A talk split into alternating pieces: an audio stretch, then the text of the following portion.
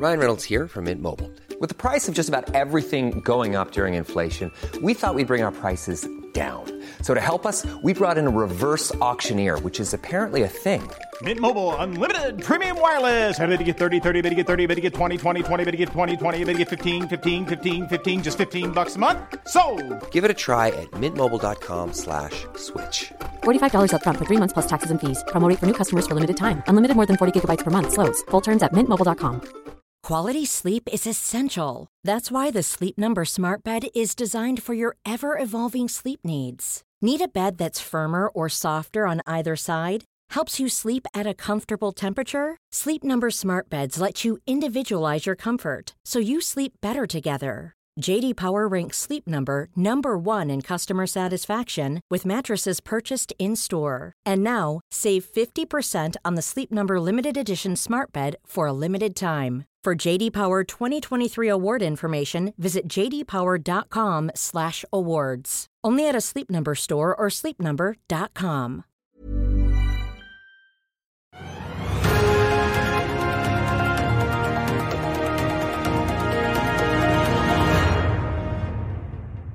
En riktig god onsdag og velkommen til Økonominyhetene på denne første dagen i mars måned. Vi er på plass på dag én av Sparebanken Markets energikonferanse her på Grand Hotell i Oslo. Og i denne sendingen så skal du føre fra Spetalens riksselskap Dolphin Drilling, som er ute og får vi si, vurderer forespørsler fra, på riggene, altså de må få ut i markedet etter at de fikk den første på kontrakt da i Mexico og snart eh, i Nigeria. Vi skal også straks eh, snakke med en av de som er får vi si, virkelig up and coming innen fornybar fornybare havvind. Integrated Wind Services-sjef Lars Henrik Røren er straks med oss. Og så skal vi også senere i sendingen høre fra Telenors finansdirektør Tone Bakke, som sammen med Telenor altså i dag kunne annonsere at fusjonen i Thailand er på plass. En virkelig giganttransaksjon som etterfølger altså fusjonen de har hatt i Malaysia. Og vi spør bl.a. hvorfor Telenor nå vil spytte inn tre friske milliarder i den thailandske virksomheten. Mer om det straks, men vi må titte litt på markedet før vi kaster i gang med gjesteintervjuene. Hovedindeksen på Oslo Børs har mistet litt fart utover dagen. Ligger nå opp så vidt 0,08 eh, på en dag hvor børsene rundt i Europa jevnt over er i grønt. Vi ser også futuresene på Wall Street peke oppover etter å ha endt ned da på eh, siste dagen i februar i går, eh, altså. Og så er det jo da oljeprisen som har fått en god del tilbake, men ligger oss Vi var jo nesten på 84,20 tidligere i dag. Nå ligger vi på 82,92, ned 0,2% Den amerikanske lettoljen på litt over 76 dollar fatet. Tenkte også bare med å ta med kursene i Høg Autoliners og Klaveness Combination Carriers, hvor det har vært to store blokksalg siste døgnet. Eh, Møller Mersk selger jo da Høg Autoliners aksjer for litt over 800 millioner kroner til kurs 61 kroner, en rabatt da på rundt 10 fra i går. Den aksjen ligger fortsatt på topp over Vestomsatt-listen, ned eh, så vidt under 12% nå til 60,10. Og så har vi Klaveness Combination på 74,40. Der ble jo aksjene solgt da for 71, så der har kursen ikke falt helt ned på prisen, som Espen Galtog Døsvik solgte aksjer for da for 213 millioner eh, kroner. Vi må ta en liten temperaturmåler på boligmarkedet også. Vi får jo boligprisstatistikken fra Eiendom Norge på fredag, da for februar måned. I dag er Obos ute med tallene sine for transaksjoner i, i Obos-boligmassen. Oslo ser vi da en prisvekst på 2,1% fra januar til februar. På landsbasis ligger de opp 1,9. Og helt til slutt, Kredinor-sjef Klaus Anders Nysten ute og roper varsko om inkassoutviklingen. Han sier han ser faresignaler basert på SSB-statistikken som kom i dag, hvor spareraten til oss nordmenn er nede i 7,3% i minus nå i siste periode, sammenlignet med en topp under pandemien på pluss 19,3, hvor vi altså hordet opp på sparekontoene våre. Korrigerer vi fra bilsalget, som jo var veldig høyt i fjerde kvartal, som disse tallene måler, så peker Kenor på at vi da lå på minus 3,3, men vi må fortsatt da tilbake til 2006 for å finne en like lav sparerate. Da skal vi snakke havvind, og jeg kan ønske velkommen til Lars Henrik Røren i Integrated Wind Solution. Kom opp til bordet. En av deltakerne på konferansen her i dag. Først de som ikke kjenner IVS. Kanskje vi skal begynne der, Lars Henrik? Ja, eh, Dere har jo en bestilling på en flåte av kan vi kalle det service- og installasjonsskip, eller? Det kan du ikke. Ikke Ikke installasjonsskip, Nei. men vi skal jobbe i installasjonsfasen. Ja. Eh, Men vi, er ikke, også, vi må ikke blande sammen med de, med de tungløftbåtene som skal gjøre Ja, for dere løfter ikke møllene på plass? Vi løfter ikke, men vi har kraner. Ja. Men eh, på en helt annen vektbelastning enn de store installasjonsselskapene. Som jeg nettopp var oppe og hørte på. og Det er utrolig, det er viktig for oss hva de sier. Og det er spennende å høre om dem. Ja, for det er jo litt som vi har sett på egentlig offshoreflåten i olje og gass. Så er det jo ulike sementer med ankerhåndterere, supply uh, og så De ulike skipskategoriene der ser vi også i havvind at det er jo ganske sånn klare segmenter. Du har de løft som var inne på, og så har vi skipene deres som dere konkurrerer med Edda Wind f.eks. Vi konkurrerer med bl.a. Edda Wind, ja. Ja. Og noen andre nykommere. Mange nå- flinke konkurrenter, men det er plass til alle, og det er kraftig vekst. La, la oss ta litt på flåten din, da, for at, uh, du har jo A. Wilhelmsen i ryggen. Ja, vi har, Ja. eh, eller Datterselskapet til A. Wilhelmsen heter Av- Avilco, er vår største eh, eier. Og har vært det siden starten. De startet jo som 100 eier, og så, har de, så ble de mindre i forbindelse med vår børsnotering for nå snart to år siden. Og så har de egentlig økt litt i en etterkant. Nå ligger de rundt 40 rett i underkant av 40 eierskap. Ja. Foruten dem har vi en eh, rekke på iallfall åtte-ti institusjoner vil jeg si, som, er, eh, som er betydelige aksjonærer. Så vi har en veldig solid aksjonærbase. Og det viste seg veldig gunstig, eller veldig, det var bra, når vi hadde den eh, emisjonen vi hadde nå i januar. Så fikk vi egentlig full oppbacking, eh, vil jeg si, fra den sterke eh, aksjonærbasen. Ja, for ta, er for. ta litt om det. Dere er jo en oppbyggingsfase. Dere har jo noe omsetning i selskapet i dag, men som vi har sagt da før vi gikk på luften, det er jo eh, hva skal vi si, konsulent-rådgivningsinntekter. Før skipene faktisk kommer på vannet og inn i drift på vindparkene. Ja, det er fra vårt serviceselskap som heter IVS Services, med hovedkontor i Danmark. Og der er eh, hovedselskapet i det er noe som heter Procon, som driver med elektrisk arbeid eh, rundt eh, det vi kaller eh, overgangsordningen mellom eh, fundamenteringen i bånn og når tårnet, vind, vindturbintårnet. Der har du noe som heter en TP, en transition piece. Der er det masse elektrisk arbeid. Der jobber eh, Procon. Så der hoveddelen av våre inntekter kommer derfra, og så kommer det fra konsulentselskapet vårt Green Ducklings. Ja.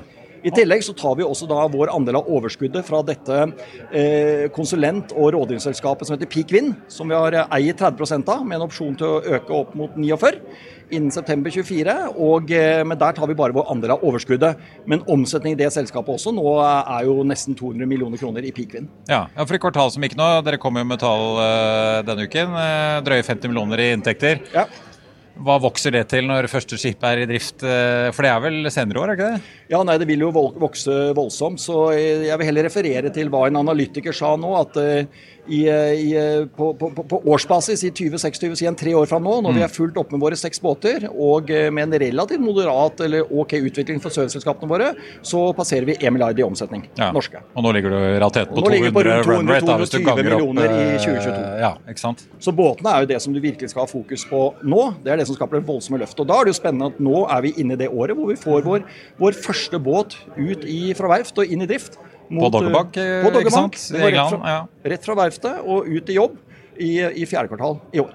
Men ta oss litt gjennom flåten, for da kommer det meldinger. Dere har jo økt på eh, sammenlignet med de opprinnelige bestillingene. som du var inne på. Dere hentet jo en 350 millioner Ja. eh, kroner i kapital nå på nyåret. 33 kroner aksjen. Ja. Nå ligger du på en drøy 31. Eh, er du, hvor mange skip, totalt skip og opsjoner har du nå egentlig da? Nei, la oss gå tilbake til børsen igjen for to år siden. Da bestilte vi jo to båter, og så hadde vi fire opsjoner. Ja. Det er det vi har, det er de vi har utnyttet nå. Ja. Så det som er fantastisk med vårt selskap, sånn sett, er jo at vi, vi bygger jo egentlig på avtalepriser. Eh, dog med noen få justeringsfaktorer, men alt i alt avtalte priser fra 2021. Og, eh, og skal inn nå i et marked og heve rater som er i et 23-24-25-marked. Men du har seks båter pluss to opsjoner til. Vi har altså- seks båter under bygging, er bestilt. Ja. Første kommer i fjerde kvartal i år, og det kommer tre neste år. Og, i, og to i 2025. Og så er det ytterligere to opsjoner. Så du kan så gå til åtte. Ja. Vi kan, vi kan gå til åtte, og vi kan gå utover det òg. Men eh, apropos eh, investorer som lurer på, blir det flere emisjoner. eh, Er det kun da hvis du utløser disse opsjonene? Altså Har du den kapitalen du trenger for disse første seks båtene dine? Uh, ja, strengt tatt har vi kapitalen, men uh, det går jo også kapital til andre ting. For vi ekspanderer på mange måter eller steder. Vi nevnte jo også IVS Services. ikke sant? Så, så vi har sagt at vi, er, uh, vi, vi kommer til å skulle bruke mer kapital. Men det blir ikke noe, men er, dette er helt etter planen. Og det er ikke noe nært forestående her sånn. Og, og håper at vi har heller gode, bekreftende, verdiskapende nyheter før vi henter kapitalen neste gang. Satser på det. Eh, men ta oss litt, Vi må snakke litt om bransjen og markedet dere opererer i, og hva dere ser. da. For åpenbart, Dere har jo deres segment som dere leverer inn til på eh, primært service, eh, ingeniørtjenester. Men eh, vi som følger dette fra utsiden, ser jo at Equinor sier de vekter ned i havvind fordi at de sliter med å finne god nok avkastning i prosjektene. De har jo solgt seg ned i en del og innkassert store gevinster. Eh, vi ser Vestas Siemens Gamesa eh, gå i minus på, på regnskapene sine. Kom resultatvarsler, snakker om garantisaker eh, og rett og slett at kostnadspresset gjør at de sliter med å finne gode marginer. Er det litt sånn barnesykdommer eller liksom at man sliter å finne de riktige forretningsmodellene for disse prosjektene, eller hva er det du ser skje? Ja, For det er jo åpenbart et stort ønske om å vokse dette her både på land og til havs og flytende og bunnfast og alt, jeg på å si, virker det sånn? Ja, åpenbart. Og jeg må bare si at det går, altså, det går, det går, ambisjonene er større enn noen gang. Og det annonseres nesten på ukelig basis eh, økte ambisjoner, men også prosjekter som går da gjennom det som heter en final investment decision, altså en endelig investeringsbeslutning. Det vi dog har sett litt nå, eh, kanskje siste seks måneder, eh, ett år, det er at det har vært litt, litt Det er veldig mye å gjøre for myndighetene å få en del prosjekter godkjent. Det er også noen som har holdt litt igjen på denne endelige investeringsbeslutningen investeringsbeslutningen. Fordi det har vært stor inflasjon der ute og alt mulig usikkerhet rundt, rundt hvilke priser man får på disse PPA, altså disse purchase og eh, kraftprisavtalene. Disse, disse ja. kraftprisavtalene, altså PPA-ene. Og, eh, men, men, alt i alt, altså det er, ambisjonene er større, prosjektene er større. Jeg var nettopp nå oppe og hørte på disse, disse tre, tre, installasjonsselskapene som presenterer her i dag, med Cadeler og Havfram og Fred Olsen Windcarriage. De, er jo, de, er jo, de, var, de var enda mer positive enn det jeg trodde. Og det som er viktig med det for oss, det er at de har jo seks ganger så stor investering per skip. Og de tar enda lengre tid å få det levert. Og de får kontrakter nå for liksom 28 og 29. Og det eneste vi vet er at hvis de skal gjøre jobben sin, så må, så må det også ha vår vind. Dere leda vind må inn etterpå? Vi ja. må være der, ja. og vi må være der etter de har vært, før turbinen kommer i gang og begynner å produsere. Så det er, det er liksom bekreftelse på at, at, næringen er langsiktig, det er commitments, det er bestillinger. Så vi ser bare Jeg, jeg er enda mer positiv enn jeg var i dag, eh, enn jeg var for tre måneder og seks måneder siden. Selv om jeg har sett at noen prosjekter har holdt litt igjen på, men det er en midlertidig fordi det er for mye å gjøre, og litt usikkerhet. Men, men, men, men ambisjonen og hele, hele, hele sektoren er jo i kraftig, kraftig vekst. Mye mer enn mange nordmenn vet. Ja. Ja, for Du snakket jo også om at det er jo lisensrunde. Vi vet jo, vi har sett Scotwind bli avholdt. Vi vet jo at uh, norske myndigheter er like rundt hjørnet med å utlyse Utsira nord og Sørlige Nordsjø 2 her hjemme. Men det skjer også ting i Mexicogolfen i USA? skjønner jeg? Ja, det skjer overalt. Men Mexicogolfen er viktig. For det blir den første det alle har hørt om som har jobbet med olje og gass, har jo alltid vært opptatt av disse lease rounds. Eh, hvor man da legger ut areal, og så kan aktørene by. Og det er de som byr mest, som da får tilgang eller rettighet til å lete på det arealet. Nå skal man ha den første lisensrunden, eller lease-salget, i Gulf of Mexico for havvind. Og jeg håper og tror at det kommer senere i år. Nå er det iallfall meldt at det kommer, og det blir utrolig spennende. Jeg tror det skal legges ut tre arealer der, og det blir veldig spennende å se hva er det aktørene byr. Hva, hva legger de på bordet for å få tilgang til det arealet. Og Vi så det i fjor i California. Fem områder. Der var det høy bud. Og vi har sett det på østkysten tidligere, hvor Equinor er altså med, med Empire, og, Empire og Beacon ja. og disse prosjektene her. sånn. Så det, det, det sprer seg all over nå. Det skjer masse i Asia òg. Sør-Korea, Japan, Australia. Nå snakker man om Vietnam, vi snakker om India. Alt dette. Dette kommer bare på løpende bånd lenger og lenger fram i tid. Men skal man klare dette energiskiftet som man snakker om, så må det fremskaffes vanvittige mengder med grønn energi. Og havvind er, som vi ser det nå, det er en av, liksom, en av de tre-fire viktige bærerne for å skape nok energi. Kort til slutt. Eh, de som har eh, fulgt av supply-flåten og det, det, rise and fall som vi så med en total overetablering eh, innenfor en del offshore-sementer. Ja. De som nå lurer på hvordan vindflåten skal fungere, enten det er på løft eller service. Hva er det dere må se før dere tør å faktisk si ja på en opsjon hos verftet? Er det at dere må ha en kontrakt på en viss lengde før dere tør å forplikte dere til en ny bestilling? Eller? Nei, nå har vi altså bestilt. Vi har bare, kontrakt, har jo skipet bestilling. Vi har bare kontrakt på den første, og den går ja. da rett fra verftet og ut på Doggerbank. Verdens største havvindpark under utbygging nå. Den ligger utenfor UK. Eh, så Det er det eneste vi har kontrakt på, og det, men det er jeg glad for. Det er bra. For nå bygger vi altså på 2021 kostnad. Vi skal ut i et marked hvor ratene er betraktelig høyere nå når vi ser litt fremover. Ja. Og da vil det være dumt hvis vi hadde lukket inn hele hva skal jeg si, ordrebok boken vår på gamle rater. Så det, det, er fantastisk nå. Vi kommer inn med relativt lav capex, suverent gode skip, men skal inn og ta jobb i et marked hvor ratene er betydelig høyere nå enn det var for ett år siden, og spesielt for to år siden når vi bestilte, eller starta det selskapet her. Så ting ser bra ut.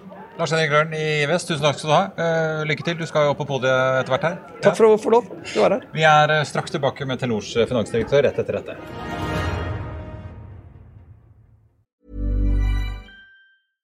Hey, I'm Ryan Reynolds. At Mint Mobile, we like to do the opposite of what Big Wireless does. They charge you a lot, we charge you a little. So naturally, when they announced they'd be raising their prices due to inflation, we decided to deflate our prices due to not hating you. That's right. We're cutting the price of Mint Unlimited from $30 a month to just $15 a month. Give it a try at mintmobile.com slash switch. $45 upfront for three months plus taxes and fees. Promo for new customers for limited time. Unlimited more than 40 gigabytes per month. Slows. Full terms at mintmobile.com.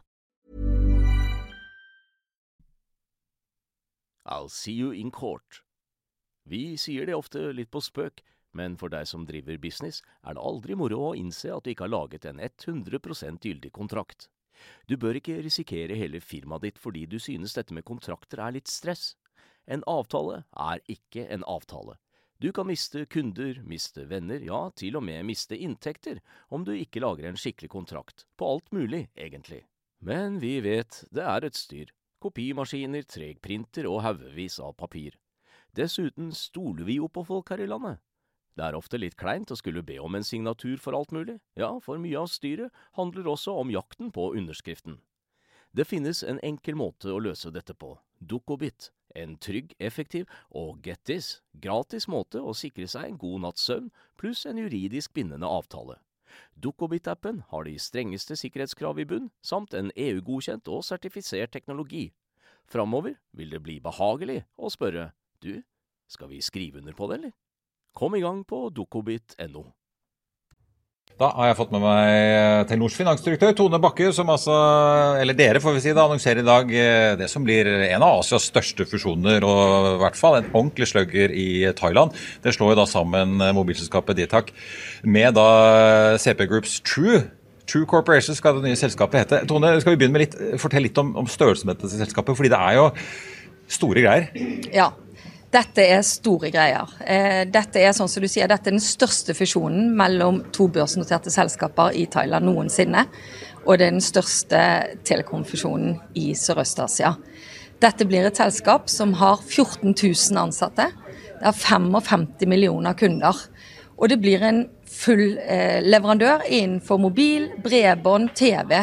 Så det blir nesten en produktportefølje tilsvarende Telenor Norge bare i Thailand. Ja, jeg lekte med litt med tallene på morgenkvisten. Hvis du ser på det, Detak, eh, selskapet som dere altså kommer inn med i fusjonen, og Telenor Norge, begge ligger på 20-tallet i milliarder kroner årlig. Dette varierer selvfølgelig med valuta, men mm. liksom begge er på rundt 20 milliarder kroner årlig pluss i omsetning. Telenor Norge investeres det dog mer i, men fortsatt mange milliarder i året som investeres i uh, Detak. Men selvfølgelig inntjening per uh, kunde. Mange flere kunder i thailandske Detak enn Telenor Norge, men inntjening per kunde den er jo på ja, drøye 350, nesten 400 kroner i Norge i måneden i snitt. I Thailand rundt 60. Så det er jo et annerledes marked, men et stort marked for dere. Ja, det er et stort marked, og det er et veldig viktig marked for oss. Og det, vi mener jo at denne måten å fortsette å jobbe og bygge posisjoner i Asia, er den riktige måten fremover for å skape verdi. Vi får jo da en nummer én-operatør i Thailand, hvor vi eier 30% og sammen med en partner eier vi 60 og da har vi gode ambisjoner rundt hvordan vi skal drive en verdiskapningsagenda. Ja, for å si litt om det, Dere får omtrent halve markedet sammen. Eh, er dere sikre på at myndighetene tillater dette? her? Da? Dere blir jo en enorm aktør. Ja, Nå har vi jo slått oss sammen. Ja. Begge disse selskapene har jo vært børsnotert. De er tatt av børs, og nå skal vi gjøre en, det som heter en amalgamation. Ja. Nå skal vi slå sammen disse selskapene inn til et nytt selskap som da skal hete True, sånn som du sier. Og som skal tilbake på børs. Ja, Ja. som skal tilbake på børs. Eh, ta, vi må ta litt om på en måte også caset for dere. da, at Dere skal jo da sikre dere en lik eierandel med CP Group, så vidt over 30% Det må dere betale, igjen litt avhengig av valuta, men ca. 3 milliarder kroner for. Ja. Eh, dere kunne jo valgt å bare fusjonert, fått den eierandelen man da fikk. Eh, og ikke investert ytterligere kapital dette. Hva er det dere ser som investeringscase når dere tross alt legger en, det som også for dere er en anselig sum penger på bordet her? Ja. Vi, vi ser jo For oss er det viktig å være likeverdige partnere. Og da ser vi at vi også får en betydelig innflytelse, og spesielt på driften, hvor vi er veldig sterke. For oss, vi ser et synergipotensial. Eh, vi har snakket om 20-25 milliarder for Telenors aksjonærer i de to transaksjonene vi gjør nå. Ja, Malaysia og Thailand. Ja, ja, i Malaysia og Thailand. Og så har vi sagt at eh, Thailand er to til tre ganger større enn Malaysia, og i Malaysia så har vi jo gått ut med at vi har seks milliarder kroner. Så det er et betydelig synergipotensial. Og en god måte, mener vi, å videreutvikle verdiene i Thailand på. Ja, men altså, hva slags jeg antar dere kunne allokert disse tre milliardene til ytterligere fiberinvesteringer i Norge, Sverige, altså investeringer i Finland eller i andre asiatiske markedene deres. Eh, men er det strategisk viktig å sitte som likeverdige partner eller ha minst en tredjedel, eller? Ja, for oss er det viktig å være likeverdige partnere. Det er prinsippet vi har gjort i Malaysia, og det er prinsippet vi også gjør i Thailand. Så for oss er det en veldig viktig investering. Vi mener dette er en god investering og en god bruk av eh, våre midler fremover for å realisere disse synergiene. Og Det er utgangspunktet for at vi har vært så fokusert på, på likt eierskap og eh, kunne være med å ta ut de synergiene. Ja, ja, for det blir jo også, Dere har jo vært opptatt av at dere skal levere stadig økende utbytter til aksjonærene her hjemme. Det blir jo ikke noe utbytte fra dette nye selskapet i år pga. fusjonskostnader og en ja. god del ting. Og så skal jo dette trykke og, trykke og gå oppover. Og dere forventer da først eh, fra 2025 at dette faktisk vil være over tidligere nivåer. Og man begynner å faktisk få utbetalt noen av disse synergiene. Så da skal jo disse tre milliardene få jobbe litt i mellomtiden? Ja da, og ja. det er klart at når du slår sammen to så store selskaper, så, så tar det tid å, å, begynne å ta ut gevinstene. Men vi ser et betydelig gevinstpotensial eh, som, som, vi da vil begynne vi begynner umiddelbart, og vi har jobbet lenge. Vi har hatt 200 stykker eh, som har jobbet med den transaksjonen nå, eh, den siste tiden. Så det er et stort apparat i, i, verk. Vi har laget en felles forretningsplan. Vi har laget planer for hvordan det skal drives videre. Og da ser vi at fra 2025 så begynner synergiene, men at det, det er jo videre derfra hvor vi ser de virkelig store beløpene kommer. Uh, før vi snakker om veien videre her, litt om liksom, mekanikken i dette. fordi at uh, Da dere slo sammen Malaysia, så bokførte dere en enorm gevinst på 33 milliarder kroner mm. i regnskapet da, for fjerde kvartal. Nå sier dere for første kvartal at denne fusjonen skal gi en gevinst på rundt 20, men det er jo en mye større transaksjon. hvorfor gi den mindre uttelling enn den dere fikk i Malaysia? Ja, Det kommer jo an på historisk kost, hva vi har gått inn i og nå, denne vil også nå når det nye selskapet registreres, så blir det endelige gevinsttallet klart. Så det vi sier er at hvis vi så på de tallene vi hadde per 17.2, eh, når vi tok de av børs, da ville vi fått en verdi, en gevinst som var bortimot 20 milliarder. Ja. Og så kommer det endelige tallet nå i, i Q-en, men det var for å indikere størrelsen. Mm. Men det er jo klart at eh, vi vet jo det at når, det er jo, hva har du gått inn med historisk, og, og eh, hvor mye er maksverdien i dag. Så nå genererer vi altså ytterligere potensielt 20 milliarder, og har da over 50 milliarder i, i regnskapsmessige gevinster på, på disse to selskapene. Nå når dette er i bak, så er det selvfølgelig masse jobb på bakken i Thailand for å slå dette sammen. Men likevel, eh, i konsernledelsen nå, så antar jeg dere også skal se fremover. Dere har jo løftet tanken om å kanskje børsnotere hele Telenor altså som et eget selskap. Dere jobber med mange infrastrukturdealer i ja. Norge og Norden. Vi har jo sett fibernedsalget med, med KKR. Hva er det neste store som kommer nå fra Telenor, da? Ja, det, dette markerer jo, er jo det tredje eh, transaksjonen vi leverer på siden den kapitalmarkedsdags eh, verdiskapningshistorien vi, tok, vi fortalte om der. Så vi er utrolig fornøyd med måten vi nå har satt oss opp på for at vi kan drive verdiskapning innenfor de ulike områdene. Vi har nå et fokusert, dedikert og veldig sterkt team i Asia som vil fortsette å jobbe med agendaen til Telenor i Asia. Og vi som eier har jo gitt de mandater og eh, aksjoner til å jobbe videre rundt det. Og vi vil fortsette å jobbe for Nå har vi tre nummer én-posisjoner av de fire markedene vi har. Det har vi ment har vært veldig viktig. Så vil vi jobbe videre med å se hva er det neste for vår Asia-portefølje. Om det er partnerskap, eller det kan være andre, det kan være en IPO. Men dette vil vi jobbe med videre. Ja, og holde oss orientert antar jeg, når det skjer eh, ting. Dere har vært ganske åpne at Pakistan, er et av landene dere ser på? Ja. ja. Og i Pakistan så, så ser vi på det. Hva er veien videre for Pakistan? Tone Bakke, finansdirektør i Telenor, tusen takk for at du var med oss. Da står jeg her eh, med en vi skal snakke i rigg med, nemlig Bjørnar Iversen. En mangeårig veteran i bransjen, nå konsernsjef i da Dolphin Drilling. Tidligere kjent som Fred Olsen eh, Energy restrukturert. Kom, vi snakket jo med deg og styreleder Martin Næss i Frankliff hos Hospitalen, som jo er storaksjonær, eh, i fjor høst. I 28.10. Da hadde dere hatt første dag på eh, børs. Hvordan har hva si, Det jo nesten blitt et halvår allerede? Ja, Det er jo helt utrolig hva tida går. Vi satte jo veldig pris. Det var en veldig hyggelig dialog vi hadde da. Etter det så har jo selskapet gått litt sånn flatt. da. Vi, vi gikk, når vi gikk der, da, så noterte vi jo på 11,61, og i dag så ligger vi der og vaker rundt 13-14 kroner eller noe der mellom. Ja. Litt opp og ned. Noe opp. Du har jo, dere har jo da, for de som fulgte med, overtatt da fra gamle Fred Olsen. Sitter dere med da tre rigger. Eh, dere har også to opsjoner vi skal komme tilbake til, men la oss ta de dere har. Dere har tre rigger. En av de er på kontrakt. De to Ja. andre markedsføres. Ja, Vi kan si det at det vi har er da tre rigger, tre H3-er, som da den ene er Blackford, den er på kontrakt, og den går på kontrakt nå med GHL i løpet av jeg vil si rundt ti dager fra nå av. I Nigeria. I Nigeria for General Hydrocarbons, som er et nigeriansk oljeselskap, og der skal den båre i ett år. Eh, Så det er liksom rigg nummer én. Vi har vært igjennom en klasse på den, som vi hadde da projisert til 15 mil, og den klarte vi da på 14,8. Og så hadde vi litt problemer med å komme oss litt ut av Mexico, men, men det, det nå, nå er vi der. Noe lønner Hyggelig på budsjett. ja. Og det er jo litt hyggelig til disse tider. Så har vi Borgland og Biddeford, som er to rigger som da ligger i Flekkefjord, som vi markedsfører da egentlig veldig aktivt. Og de riggene da holdes varm gjennom noe vi kaller smartstack, som gjør at vi har folk om bord på riggen. Har noen som går og starter og stopper og holder hjul og Ja, smøring si og alt gående? Ja. Riktig. Det er syv systemer normalt på en sånn H3-rigg, og de syv systemene kjøres en gang i måneden, egentlig, slik at alt da er varmt. Så du har en vaktmester som passer på at huset er i orden.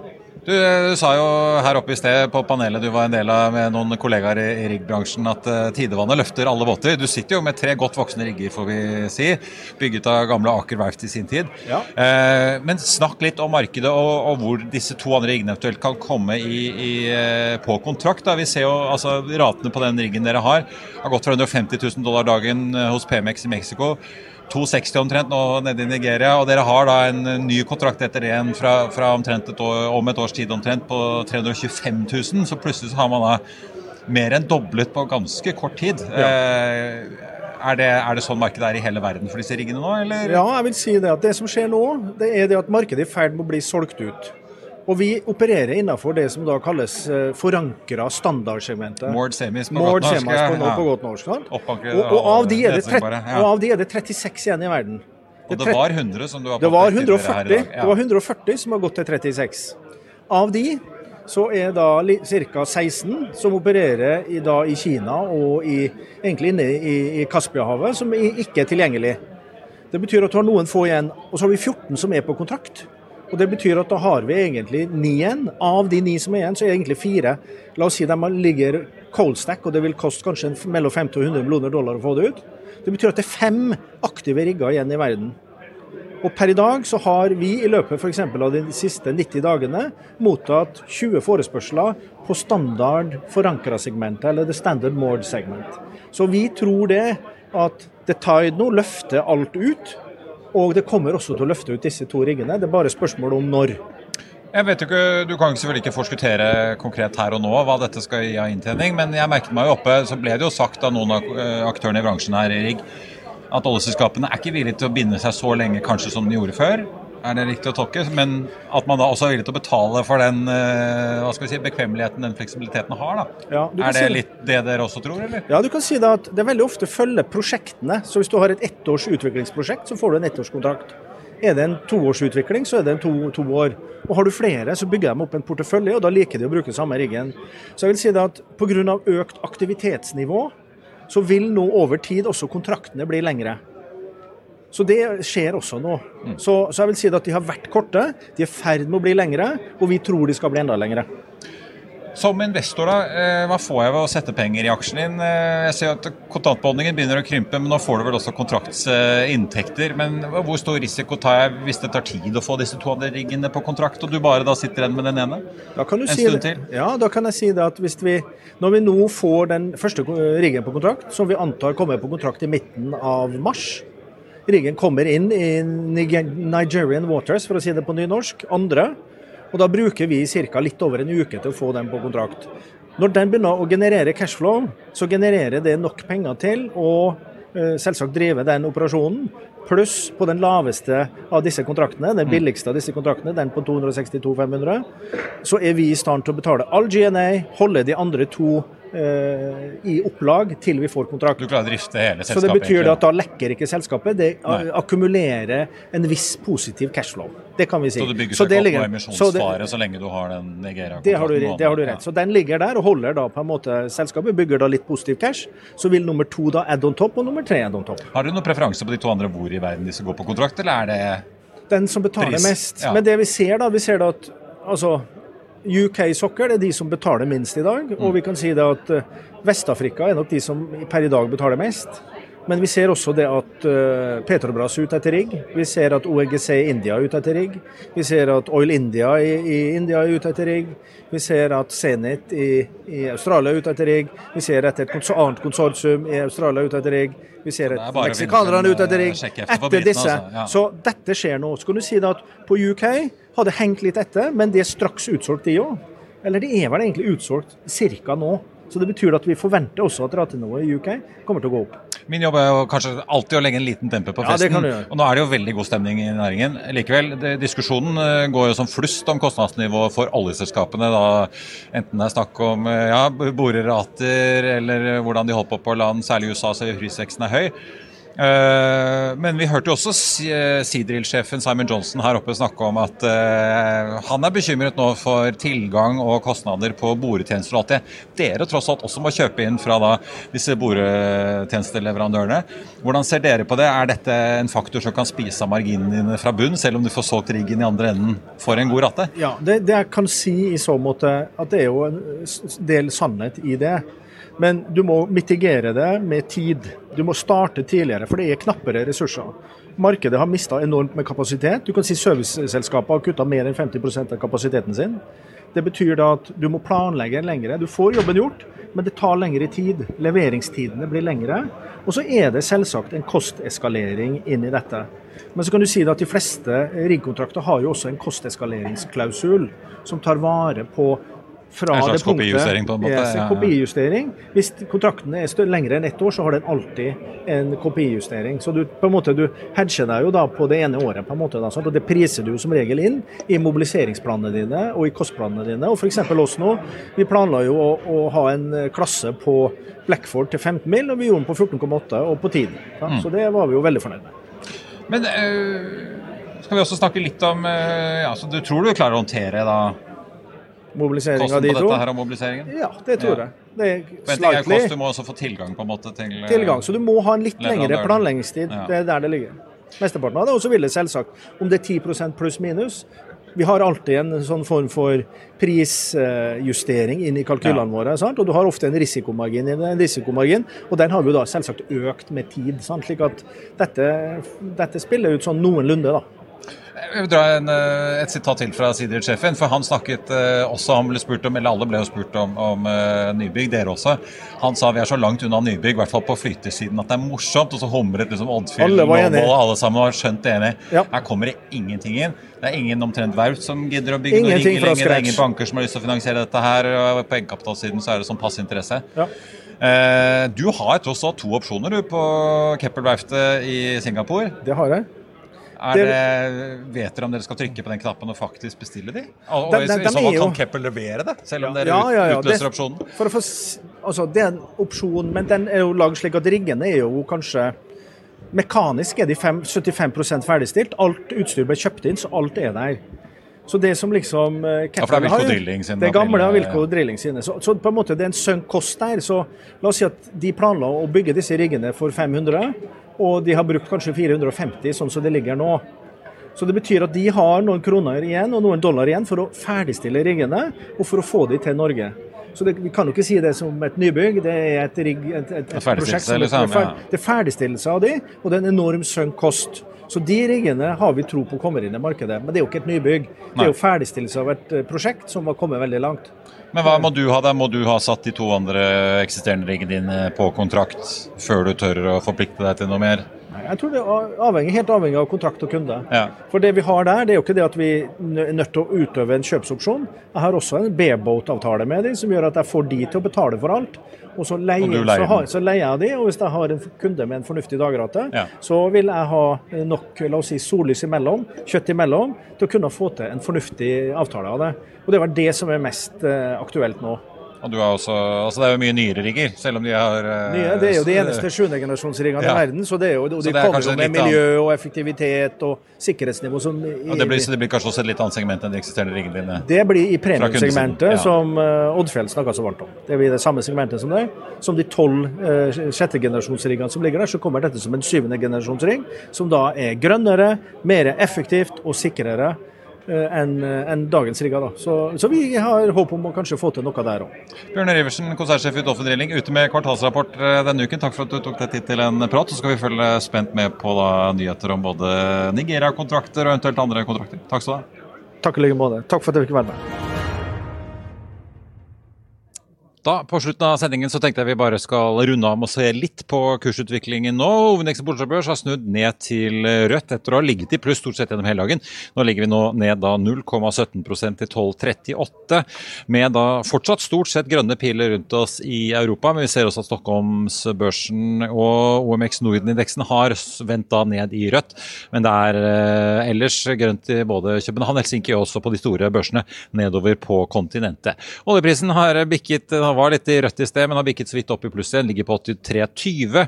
Og så får vi jo nesten ta med da to av selskapene vi altså har snakket med i dag. Dolphin Drilling opp 3,2 i dag til nesten 13 kroner aksjen. Integrated Wind Solutions eh, fortsatt en ganske sur dag på børs, ned 5,5% til 31,20. De hentet jo da 350 millioner på 33 kroner aksjen her tidligere i eh, år. Og så har vi jo da Høg Autoliners og Klavenes Combination Carriers hvor det er blitt gjort eh, aksjesalg. Det ser ut til å gå verst utover Høg Autoliners, som ligger nå på 60 kroner blank, ned 11,9 eh, En krone da under prisen som Mersk solgte for. Og så har du Klavenes Combination Carriers ned da snaue 5% på 74,40. Eh, fortsatt da noen kroner over salgskursen i det blokksalget på 71. Ellers så får vi også ta med Telenor, som også er ute med den store fusjonsnyheten i dag. De ser ut til å levere en ganske grei dag, opp 1,3 Telenor-aksjen. Vi har jo sett den snuse under hundrelappen eh, tidligere etter et fall over ganske lang tid. Nå er den da oppe på 118 eh, kroner og 10 øre. I Finansavisen i morgen så kan du lese om Olympic Subsea, som henter friske penger. Du kan lese om datteren til Ivar Tollesen, som får vi si, tar med seg deler av eiendomsimperiet og flytter til Sveits. Du kan lese om sjefen i oljegiganten Chevron, som ikke utelukker fusjoner blant de vestlige oljegigantene, og om sjefen i batteriselskapet Freyr, som spår en bølge av konkurser. Trygve Hegnar i lederen sin kaster seg over batterier og skriver om batterieventyret som sprekker. Det var økonominyhetene på denne onsdag 1. mars her fra energikonferansen til Sparebank Markets på Grand Hotel i Oslo. Vi er tilbake igjen med Børsmorgen 08.55 i morgen tidlig her fra hotellet. Da skal vi forhåpentligvis da få plass både Horisont Energi og også Sparebank Markets analytiker Theodor Sveen Nilsen. Og så skal vi også runde av dagen får vi si, med en kanskje potensiell comeback-kid i gassbransjen. Og også sjeføkonom Harald Magnus eh, Andreassen. Mitt navn er Marius Thorensen. Siste nytt får du på FA.no som alltid. Tusen takk for at du så eller hørte på, og så håper jeg vi ses igjen i morgen.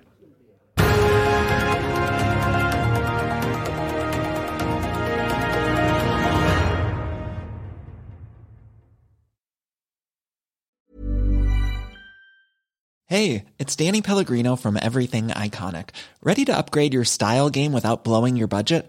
Check out Quince. They've got all the good stuff shirts and polos, activewear, and fine leather goods, all at 50 to 80% less than other high end brands. And the best part? They're all about safe, ethical, and responsible manufacturing. Get that luxury vibe without the luxury price tag. Hit up quince.com slash upgrade for free shipping and 365 day returns on your next order. That's quince.com slash upgrade.